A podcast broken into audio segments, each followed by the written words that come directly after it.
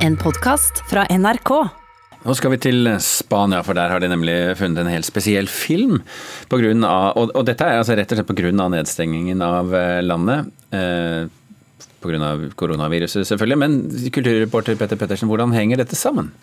Nei, altså Nesten et århundre etter at den ble laget, så har en åtteminutters dokumentar eh, blitt eh, funnet og kan muligens fått en helt ny betydning, da skriver The Guardian. Eh, den, den, har vært i det spanske nasjonale filmarkivet siden 1982, men nå viser det seg da at dokumentaren eh, med navn Mallorca kan være Spanias første film med med tale laget av en kvinne. Dokumentaren den viser fiskere på båtene sine, barn som leker i gatene og en munk som er og eh, henter eh, vann fra en brønn. Eh, og vi kan jo høre et lite lydkutt fra filmen. Mallorca, cuya belleza fue tantas veces cantada por los poetas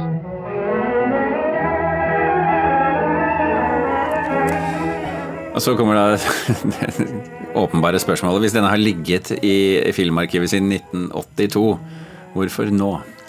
Nei, altså, Denne svart-hvitt-filmen, som er inspirert av musikken til den spanske komponisten Isaac Albeniz, den, da den ble kategorisert i arkivet, så skjedde det en feil.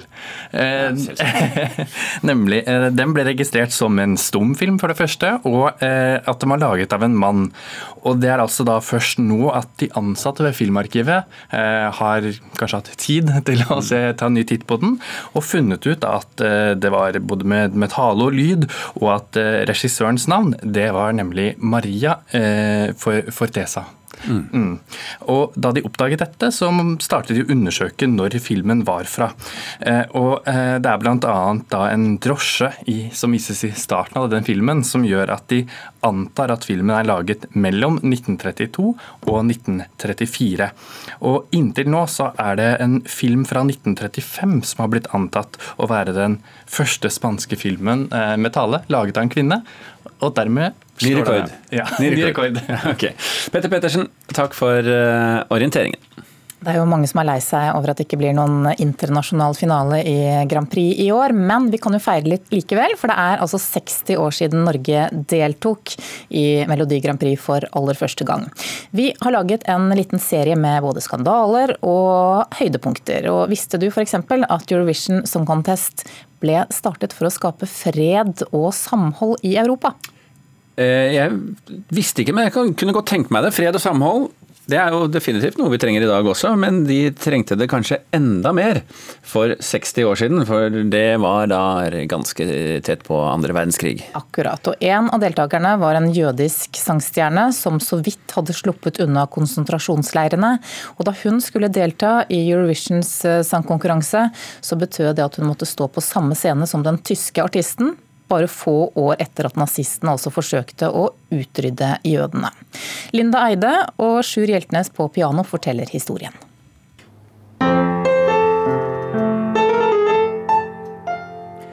Den aller første Melodi Grand Prix-sangen var en fjørlet bagatell. Men bakteppet var tungt som bly. Hun som åpna hele ballet, tilhørte de som skulle utryddes. Det fins ikke TV-bilde av hele den første finalen i Melodi Grand Prix. Men lyd fins det. Og Derfor vet vi at de første toner og ord som ljoma ut over Europa, de var nederlandske. De Vogels van Holland. Fuglene i Holland. De Vogels van Holland zijn som muzikaal, ze leren in hun jeugd en sang om fuglene i Holland sin fortreffelighet. Ja visst kan de kvitre vakkert i andre land òg, men ingen sted i verden er fuglene så musikalske som i Holland. De merel, de lijster en de nachtegaal, om zo de lente in Holland goed te kunnen vieren. En lys og lett trudelutt men som vanlig med Grand Prix, så er det mer ved det når du ser bak det. For la oss sette oss inn i denne tida. Det er bare vel ti år siden den vanvittige verdenskrigen. Og holocaust, jødeutrydninga, har kommet fram gradvis i all sin gru. Og den som går på scenen for å synge om de frie fuglene over Holland, er Jetty Perl. Fra en jødisk familie som greide å flykte til England under krigen. Før krigen bodde det 140 000 jøder i Nederland. Etter krigen var over 100 000 av de vekke. De fleste av dem gassa i hæl i Auschwitz. Jetty Perl sang lett om fuglene i Holland. Men fjernsynsseerne i Europa kunne vite at hun hadde ei tung bør. Dette er altså bakteppet når Den europeiske kringkastingsunionen nå vil samle og forene Europa.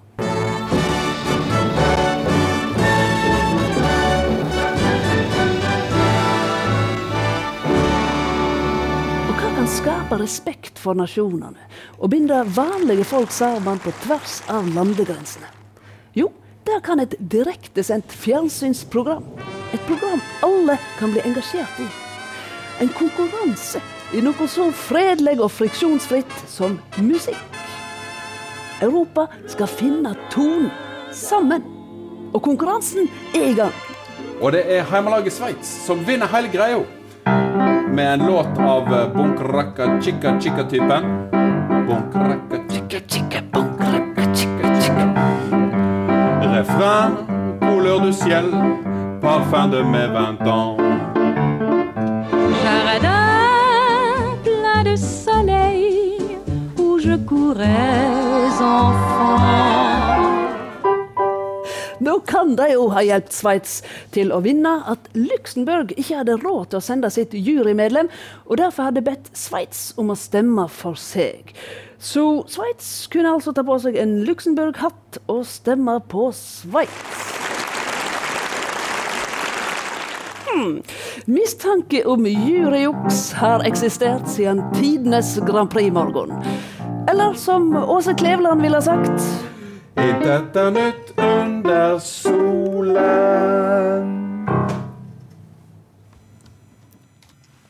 Ja, det var altså um, Linda Eide og Sjur Hjeltnes på piano som fortalte historien om Eurovision Song Contest og fred og samhold. Flere kinoer gjenåpnes denne helgen etter å ha vært eh, koronastengt siden 12. mars. Og den første norgespremieren det er filmen 'Klovn 3 The Final', som skal eh, være den siste kinofilmen med den danske komikerduoen Frank Wam og Kasper Christensen. Og vår kritiker Birger Vestmo har sett filmen. Det er jo også lurer på, om jeg skal bestille noe fyrverkeri. ikke? Noget fyrverkeri? Ja, det kunne jo godt stået. Altså, Frank 50 år. Med raketter. Nei, det er også for mye, synes jeg. Det synes jeg. De danske komikerne Frank Wam og Kasper Christensen har hatt fortjent suksess med sine klovnserier og filmer. Tittelen Klovn 3 The Final indikerer at det her er deres siste eventyr på det store lerretet, og kanskje er det på tide å avrunde nå. Det her ligner nemlig på en forlenga TV-episode, uten den filmatiske finessen man bør kunne forvente når man har kosta på seg en tur på kino. Det er fremdeles mulig å humre av de her tankeløse karenes pinlige påfunn, men humor humoren virker ikke like sprek og viril som i den første filmen fra 2011. Klovn 3 The Final har noen gode øyeblikk med satire over den nordiske mannsrollen, men helheten er for tam til at det her blir mer enn en mildt underholdende komedie, der humoren bommer like mye som den treffer. Så jeg gjøre? Så skal vi gjøre? Frank, spilt av Frank Wam, får en ferietur til Island i 50-årsgave av kameraten Kasper, spilt av Kasper Christensen. Men noe skjærer seg på flyplassen, og de får ikke reist. Ingen av dem har spesielt lyst til å dra rett hjem. Frank fordi ekteskapet med Mia, spilt av Mia Lyne, skrante, og Kasper fordi hans høygravide kjæreste Fnug, spilt av Camilla Lehmann, har besøk av sin mor. Derfor søker de i stedet tilflukt i huset til Franks ferierende naboer, der de må holdt seg i skjul lenger enn planlagt. Hva gjør du? Jeg stakk litt i vaskemerket ned. Hva for noe? Ditt vaskemerke stakk lige opp av buksen, og så trykker det lige ned. Jeg synes, du ser så sød Hvorfor står du med hendene nede i mine bukser? Det starter bra med skildringa av Franks avmålte entusiasme til sin forestående 50-årsdag, og det rutinemessige preget som ekteskapet med Mia har fått. Her er det flere handlingstråder som kommenterer helt vanlig hverdagsproblematikk, som vil trekke på smilebånd og høste anerkjennende nikk. Når Frank og Kasper likevel ikke får reist, stopper filmen dessverre litt opp. En stor del av handlinga foregår nemlig i nabohuset, og det skjer rett og slett for lite der til å holde på interessen. Her burde regissør Mikkel Nørgaard ha sørga for at Frank og Kasper ble bombardert med utfordringer som må håndteres. Ikke bare rot rundt i stua, klø seg i baken og spis innholdet i fryseren. Er du ikke noe glad for, at vi er på is? Jo, jeg håper det virker i hvert fall. Å oh, nei. Oh, er 3 The Final er likevel langt ifra noen katastrofe. Til det er Frank og Kasper altfor sjarmerende i all sin udugelighet. De er representanter for et visst alderssegment av menn som sliter med sin identitetsforståelse og nekter å innrette seg etter omverdenens forventninger, men fremstår faktisk mer søte og hjelpeløse enn usmakelige og irriterende. Chrome 3 The Final har noen fornøyelige høydepunkter, men de her figurene har et potensial til å formidle komikken på en enda friskere og frekkere måte. Hvorfor kan du? Ja, fordi det er en fullstendig umulig arbeidsstilling. Terningkast tre. Ja, det var vår kritiker Birger Vestmo som hadde sett eh, Klovn 3 The Final.